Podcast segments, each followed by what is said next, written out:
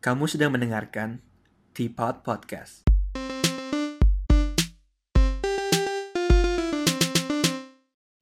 Hello, welcome back to Teapot. Hari ini kita kedatangan tamu lagi. Namanya Sena, dia teman kita satu angkatan di atas kita ya, udah lulus juga jadinya. Uh, boleh disapa dulu Pak pendengar kita? Hai semuanya. Oke. Ya, jadi hari ini kita bakal ngomongin industri kreatif yang sepertinya akhir-akhir ini jadi semakin kurang kreatif. Nah, gue ngundang Sena ke podcast ini juga karena gue tahu dia suka dengerin musik, juga suka nonton banyak film. Terakhir kali kayaknya gue liat di instastorynya dia mau nonton apa konser-konser orkestra gitu ya Sen. iya nih kayak akhir-akhir ini gue emang lumayan interested sama beberapa jenis musik. Jenis musik. Bi- biasanya dengerin musik jenis apa? Uh, gue sebenarnya bukan orang yang punya library musik yang paling ekstensif.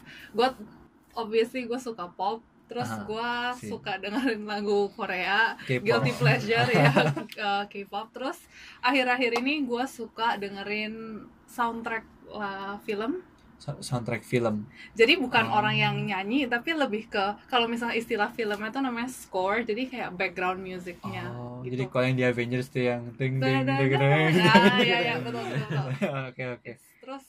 Ya eh, musik-musik Indo gue dengerin, musik Barat dengerin, terus Oke. tergantung mood sih gitu. Tapi Aha, eh, in general, ya In general gitu. kurang lebih ta- tapi tau lah lagu-lagu populer ya mainstream, gitu ya. mainstream gitu. Oke, ntar kita juga bakal nyentuh ke movie juga, tapi mungkin gue bakal mulai dari musik nih. Kemarin gue sempet lihat si Anji, musisi Anji tahu gak ini Mm-mm, lagu tahu. dia? Dia sempet uh, nulis di di Instagramnya. Dia, dia juga sempat bikin video buat ngebahas ini. Dia dia bikin statement bahwa hmm, katanya zaman sekarang musisi coveran, jadi musisi yang bikin cover-cover Mm-mm. hidupnya lebih mapan dibanding orang yang bikin lagu katanya. Waduh, soalnya agak kontroversial ya. iya soalnya katanya kan zaman sekarang orang kalau di YouTube dia bikin cover dia bisa dapat AdSense dan lain sebagainya giliran kalau yang bikin lagu sendiri mungkin belum tentu terkenal dan lain sebagainya. Mm-mm. Kalau menurut lu kayak apakah dengan adanya cover-coveran ini atau itu ala- apakah mereka sebenarnya pantas dapetin fame yang mereka dapetin sekarang ini gitu misalnya? Tapi ma, menurut gua kalau misalnya kita lihat dari berapa banyak orang yang cover, Ah. yang jadi terkenal banget tuh berapa sih yang booming? Berarti kalau mis dari yang terkenal banget pasti mereka ada it factornya gitu buat it mereka stand out di antara yang lain. Jadi menurut gua gua nggak terlalu setuju kalau misalnya mereka nggak deserve fame mereka atau Hmm. semuanya itulah karena menurut gua buat bikin cover pun pasti ada effortnya Ada gitu ya. juga Ada ya. pasti Hmm. meskipun orang kira kayak cover itu nggak ada kreativitas tapi pasti mereka juga harus mikirin interpretasi mereka gimana Oke. gitu oke. dan ya menurutku gitu sih. Bener juga sih. Jadi kan mereka tetap harus berusaha gitu kan. Nah, tapi apakah dengan kan banyak banyak musisi cover yang udah sukses nih, contohnya kayak Sa- yang Jaslyn, Jaslyn, Samsui. Dan lain sebagainya Hmm. kan. Dan mungkin kita lihat dari pers- perspektif yang lain dari perspektif orang-orang musisi yang baru gitu misalnya. Mereka baru mau terjun, terus mereka misalnya awalnya mereka mau bikin lagu sendiri nih. Tapi gara-gara mereka lihat itu, ah ngapain gue bikin lagu sendiri, gue belum tentu sukses. Jadi mendingan gue cover-cover aja gitu. Kayak, kayak apakah dengan munculnya fenomena orang-orang sukses dari cover-cover ini, ini, ini bakal quote and quote mematikan kreativitas orang-orang baru gitu. Jadi mereka lebih ah daripada banyak Bikin resikonya, itu banyak, banyak resikonya mendingan gue cover aja deh walaupun suara gue bagus gitu. Jadi Hmm, menurut gue gimana ya Eh, sebenarnya mematikan kreativitas tuh nggak pasti sih karena Hmm. menurut gue pun balik lagi ke poin yang tadi gue bilang dengan lu bikin cover pun eh, lu juga tetap harus ada effort buat mikir dalam tanda kutip gitu Iya. tapi mungkin eh gue bukanlah seorang yang nulis lagu atau cover lagu atau apa pun hmm. Cuma mungkin, of course kalau misalnya orang-orang yang bikin lagu dari nol gitu pasti ya lebih banyak thought prosesnya itu. Jadi ya mungkin in some ways memang bener kayak membuat sesuatu dari nol itu lu pasti bakal lebih banyak effort, lebih banyak thought Hmm, prosesnya. iya. Tapi uh, gue nggak bilang kalau misalnya lu cover-cover terus itu akan mematikan kreativitas. Karena uh, kalau misalnya kita lihat juga ada banyak juga cover yang misalnya lagu mellow tapi dibawa ke arah yang totally different ya Ah, 180 derajat iya, iya. beda mungkin dibuat rock lah apalah dan menurut gue itu itu juga salah satu mereka bisa menchannel kreativitas mereka Nggak sedikit juga yang dari mulai dari cover atau dia akhirnya jadi bikin lagu sendiri juga Nah, kan iya ya. iya. Setelah mereka Iya atau sih. mungkin mereka pertama kali mau cover-cover buat pengen tahu orang-orang tuh kira-kira sukanya apa sih. Hmm. Terus begitu mereka udah tahu, oke, misalnya orang suka lagu-lagu akustik, terus mereka mungkin bisa uh, keluarin lagu-lagu original, tapi dengan genre yang pendengar mereka suka gitu. Iya, lebih ke check the water Iya, dulu. testing the Ntar waters udah ya. itu. Oke, oke. Nah, jadi kira-kira kenapa yang bikin cover bisa lebih, lebih sukses gitu? Apakah cuma gara-gara mereka suaranya bagus atau lebih bagus daripada yang bikin lagu gitu misalnya? Kenapa menurut lo sekarang zaman sekarang lebih banyak uh, penyanyi yang cover-cover lebih, lebih banyak dicari gitu? Karena kadang-kadang buat menurut gue sendiri Hmm. di satu lagu, misalnya di lagu pop yang sangat terkenal lagunya upbeat gitu, tapi kadang-kadang gue suka nadanya, tapi gue nggak belum tentu suka sama beatnya. Terus gi- giliran ada orang yang bikin ini misalnya versi akustiknya atau Oh. akapelanya, oh gue jadi gue merasa gue lebih match gitu sama uh, lagu yang udah di cover ini daripada sama lagu yang misalnya agak berisik lah berisik. misalnya gitu. Oke, itu menarik banget. Hmm. Jadi menurut lo tuh zaman sekarang musik cover itu lebih laku atau tanda kutip lebih terkenal juga kadang-kadang itu karena orang-orang juga lebih pengen mengekspresikan dirinya, lebih pengen denger apa yang match sama dirinya gitu ya. Jadi misalnya dia lebih suka lagu yang mellow, ya ada orang orang cover lagu EDM jadiin mellow, mungkin dia jadi suka lagu itu karena itu bisa cocok sama Iya. sama pribadinya dia Iya, gitu. menurut gua Oke, gua menarik. sih, Kalau ya itu yang menarik. masuk ke kelompok orang yang kayak gitu. Oke oke. Nah tapi itu kan dari sisi kreativitas. Nah kita ngomong sisi finance-nya. Mm-mm. Kan orang bikin cover, paling tinggal nulis cover sebenarnya di YouTube udah udah udah boleh kan ya, udah boleh diposting Iya. kan. Kalau misalnya lu nggak nulis ini cover, mungkin bisa kena copyright issue dan Copyright, dan, dan, dan sebagainya. Mm-mm. Nah dengan gini kan mereka juga dapat duit juga ya dari berarti dari cover cover ini mereka dapat duit kan. Mm-mm. Apakah menurut lu penulis aslinya itu uh, penulis lagu aslinya entitled buat dapetin berapa persen lah berapa gitu. persen atau royalty or something like that Hmm. dari YouTube. Soalnya kan dulu kan mereka baru uh, meregulasi contohnya kayak yang di kalau misalnya konser, Mm-mm. kalau di US ya kayaknya kalau misalnya lu bawain lagu punya orang lain lo harus bayar berapa dolar gitu walaupun nggak banyak Mhm. tapi lo harus bayar setiap kali lu perform itu di panggung yang tiketnya lu lu jual. Mhm. Nah, tapi kalau di Indo kan belum gitu. Nah, Oh. nah ini kan kita ngomong ke media yang ketiga seperti di Hmm. YouTube gitu. Apakah menurut lo mereka kalau mau cover lagu harus at least pitch, pitch in berapa Hmm. berapa duit lah kalau misalnya ini menghasilkan uang mereka harus pitch in berapa duit gitu. Oke, Menurut lo oke. gimana? Hmm, menurut gimana? Gua gimana ya? Mungkin secara idealisnya of course harus bayar karena itu kan kita ngomongin intellectual property orang gitu. Bener. Tapi apakah ketika dieksekusiin apakah ini segampang yang kita om kita kira gitu? Hmm. Jadi Jadi, menurut lo eh, infrastrukturnya sendiri Infrastrukturnya masih agak belum belum masih agak bayang-bayang gitu.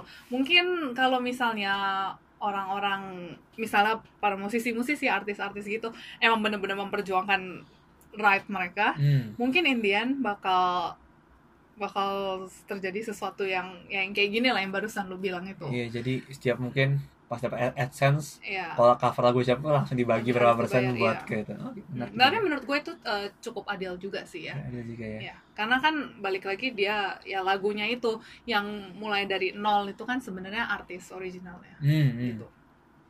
So jadi menurut lu apa yang bisa memotivasi penulis-penulis baru nih? Kan sekarang kan kita lihat banyak artis yang naik tuh artis yang yang lama atau kayak ke mana Westlife bahkan eh, Tiba-tiba yang yang Ah. comeback gitu Iya, kan. Mm-mm. Oh, jadi menurut lu apa yang bisa memotivasi orang-orang baru nih musisi-musisi baru untuk berkarya dengan karyanya sendiri gitu?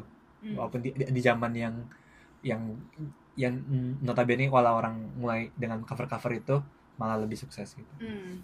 Eh, menurut gua s- musisi-musisi baru itu mereka bisa mengidentify niche yang yang belum ada yang di dunia musik gitu. Mas eh, musik itu kan luas banget, banyak banget genrenya dan pasti ada aja bagian yang masih belum eh, orang-orang belum terlalu banyak main lah di situ Hmm. misalnya akhir-akhir ini gue sendiri juga baru tahu yang ad- ada yang namanya genre yang low lofi lo-fi Lo-fi itu apa? lo-fi yang kayak musik tenang gue juga nggak tahu. Ah. gue disclaimer gue nggak bukan bukan Expert. expert ya. gue bukan Iya, expert. nggak tapi ya akhirnya ini gue sering dengar banyak orang oh ada musik namanya low lofi kayak yang Oh, tenang-tenang gitu. Nah kalau gitu kan orang-orang eh, ya yang belum terlalu banyak orang eh, main di situ musisi-musisi baru yang merasa oh kayaknya gue cocok nih di sini. Hmm. mungkin mereka bisa isi kekosongan itu atau juga Hmm. misalnya yang baru-baru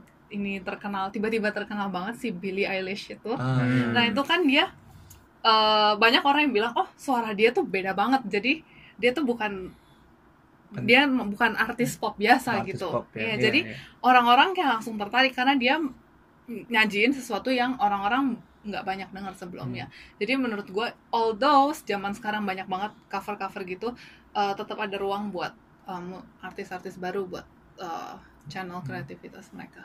Iya, itu. It's very well said. Berarti apalagi di zaman ini ya orang kan lebih suka karya yang jujur dan apa kalau misalnya you just being yourself, Hmm. kalau kalau lu juga lu, lu- lu- kalau lu beda dari yang lain lu lu, lu bisa dapat tempat di di industri ini ya. Hmm. Oke, keren juga. Terus sekarang paling kita masuk ke movie.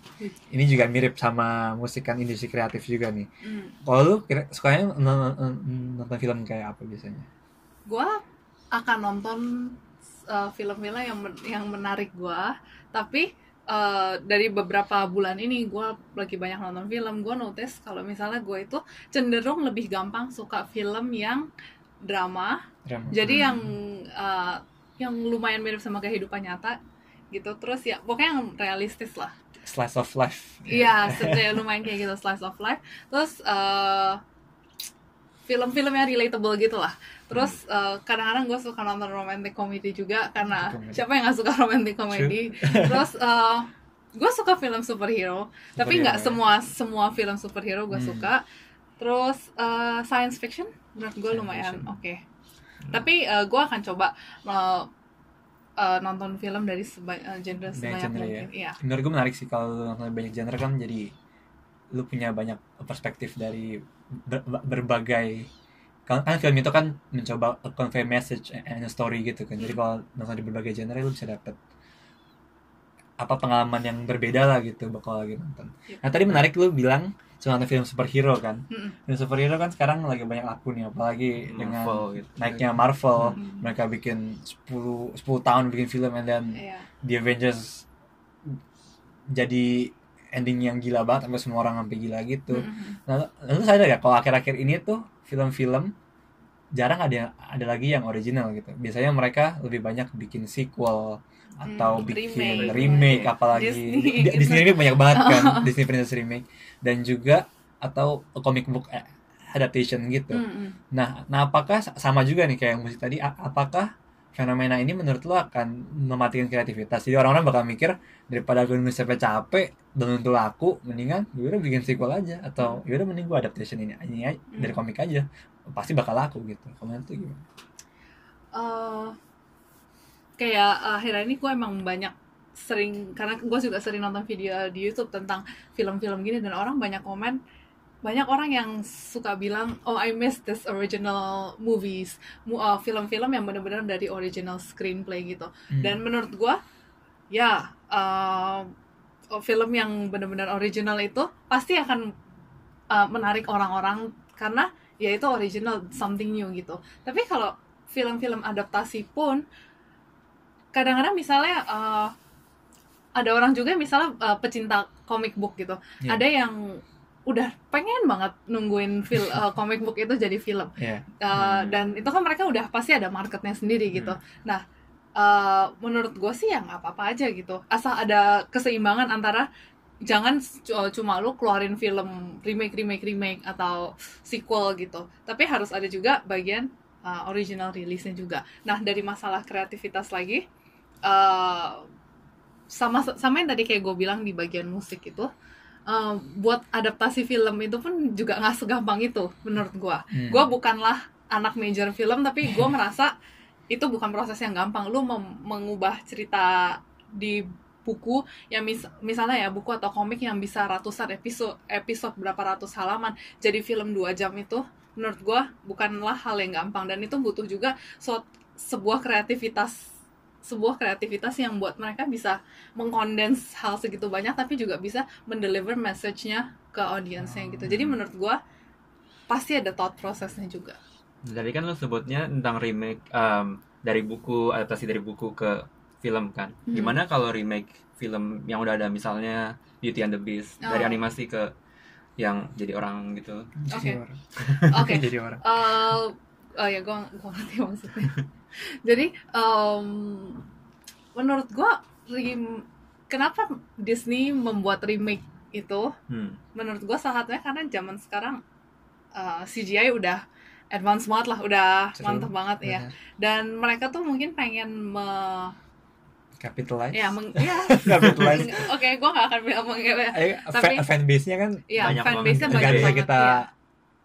pungkiri kalau misalnya fanbase yang itu udah banyak kan Iya. dari Disney dan jadi mereka bakal capitalize itu Iya. sih. dan menurut gue Indian juga Disney adalah sebuah bisnis gitu jadi mereka harus mereka harus tetap jalan gitu Um, ya remake menurut gue it's okay tapi kalau misalnya mereka akan terus-terusin keluarin remake bahkan mungkin orang banyak yang joke bilang mau keluarin remake-nya remake menurut gue itu nggak akan menurut gue itu nggak akan visible in the long run karena Indian orang pasti pengen sesuatu yang baru gitu. Dan menurut gue efek yang baru itu nggak 100% cukup buat fulfill keinginan orang-orang akan sesuatu yang baru. Gimana maksudnya? Kalau kalau efek yang baru misalnya kalau misalnya kita lihat uh, film Lion King gitu kan. Hmm. mulai dari yang kartun Ah. 2D mau dibikin sekarang dibikin jadi benar-benar kayak real life. Terus kalau misalnya suatu hari ada satu aspek lagi yang bisa di uh, bisa di elevate lah Oh, untuk bikin say remake-nya remake Remake. Ah, Tapi menurut gua personally 3D seberapa ya? jauh sih mereka bisa naikin dari Bener. segitu uh, ke level yang lebih tinggi lagi gitu Hmm. Nah jadi menurut lu kalau em, remake itu sebenarnya butuh banyak thought process nggak? Butuh harus jadi kreatif buat melakukan remake itu atau mungkin dalam segi penulisannya maksud lu ya penulisan screenplay gitu kali Hmm. ya Hmm. Mungkin dalam penulisan pasti ada pasti ada akan tetap ada thought process. Tapi menurut gue untuk ya, at least dari yang gue lihat dari film Disney itu keba sebagian besar pasti effortnya di dimasukin tuh buat castingnya Hmm. atau Hmm. yang dan yang pasti kita tahu itu efeknya visual efeknya Visual itu pun dan menurut gue itu visual effect itu juga butuh kreativitas yang gila-gilaan karena Hmm. menurut gue itu bukan hal yang gampang gitu ya tapi ngomongin screenplaynya itu pasti mereka eh, gimana ya menurut gue ini agak sulit ya karena ketika eh, Hmm. writersnya mau su- sangat kreatif mereka mau ganti screenplaynya pun orang pasti ada akan ada satu orang yang kok lu nggak loyal Sama cerita lama. Lamanya gitu ya kreatif tapi punya batasan-batasan yang harus Iya. mereka turutin gitu ya ya jadi menurut gue itu hebatnya mereka adalah mereka harus uh, men-channel kreativitas mereka tapi mereka harus mem- membuat orang-orang senang juga membuat Hmm. se- sebanyak Iya. mungkin orang happy gitu dan menurut gue itu bukanlah hal yang gampang dan menurut gue ya gue lumayan appreciate orang-orang gitu Iya, iya. Di sisi lain kan kadang kalau di remake gitu sekarang banyak banget misalnya Cinderella atau atau Aladdin yang terakhir ya. Mhm.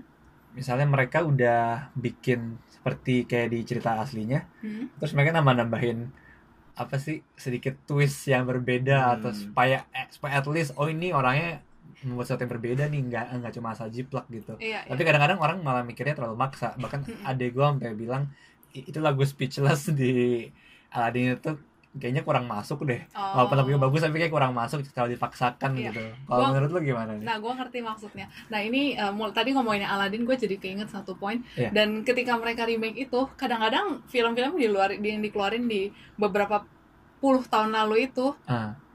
pada waktu itu society nilai-nilainya beda dengan society sekarang. Dan kalau misalnya di Aladdin itu dulu orang kalau misalnya kita nonton Aladdin lagi, zaman sekarang tuh orang-orang bakal komen kok si Princess Jasmine dia pasif banget gitu. Nah, sementara kan zaman sekarang Feminism. nilai-nilai ya nilai-nilai sosial kita kan oh perempuan tuh harus empowered ya, harus gitu ya, empowered gitu. Nah, empowered. di Iya. bagian situ lain uh, uh, si remake itu berhasil uh, ngubah sedikit sedikit nilai-nilainya ya. di filmnya itu.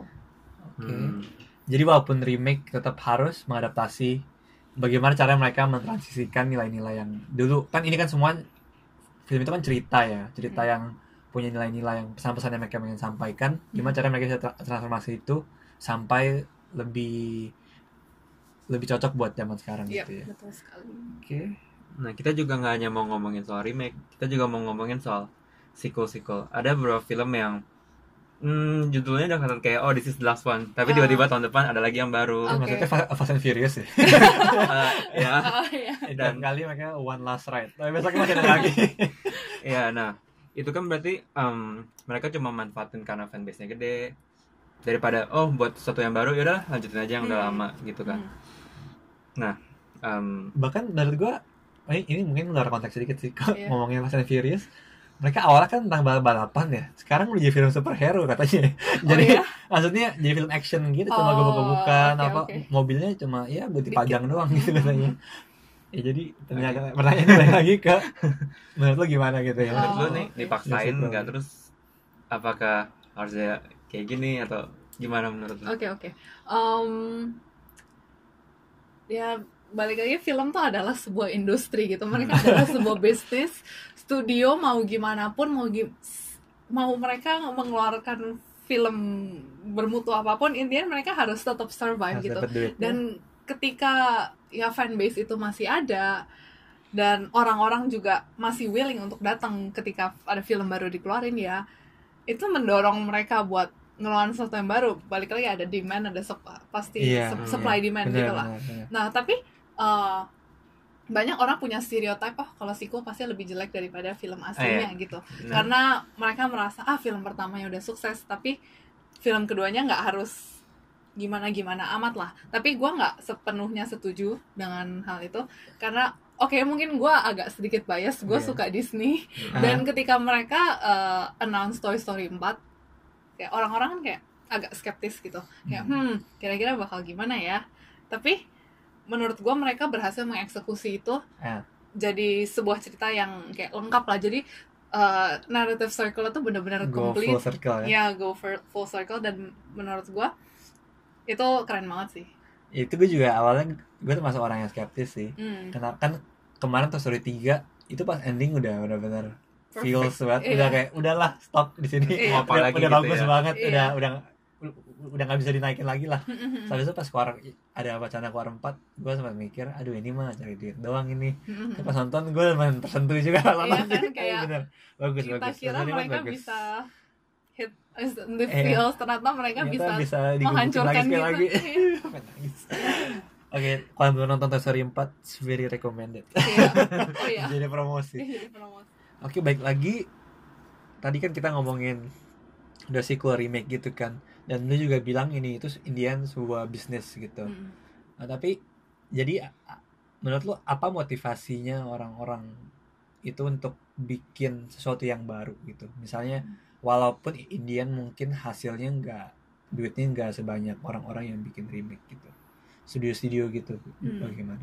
mungkin menurut gue salah satunya pasti passion ya kalau misalnya writers itu directors itu bahkan actors actors sendiri banyak yang mereka tuh sebenarnya kayak oh gue pengen ada film tentang ini pengen sesuatu yang original Hmm. dan ketika mereka punya passion gue lihat banyak juga film-film yang benar-benar baru yang fresh Hmm, yang true. yang kayak nggak pernah dipikirin lah gitu dan audiens juga pengen sesuatu yang baru sesuatu yang original sih, iya.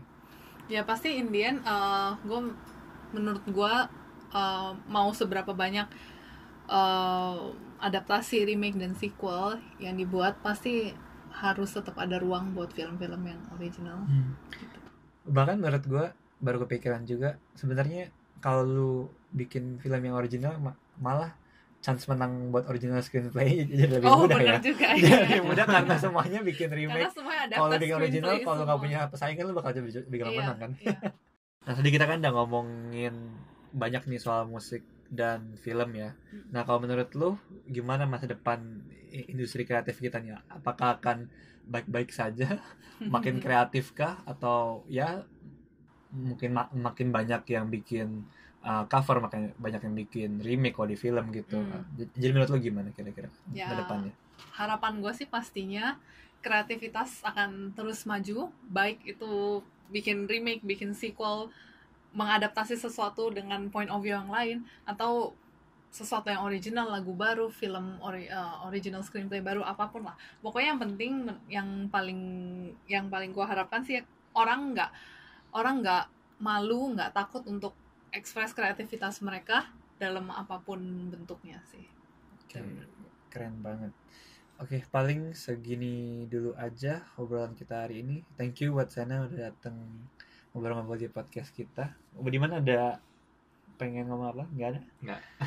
Oke, ya paling kita pantau aja terus industri kreatif kita dan semoga ke depannya makin kreatif dan makin makin banyak muncul karya-karya yang bisa mengungkap kita. Hmm. Oke, see you on the next perspective. Bye. Bye. Terima kasih telah mendengarkan Teapot Podcast. Jangan lupa share dan follow podcast ini di Spotify dan Instagram teapot underscore podcast untuk menerima update terbaru. See you on the next perspective.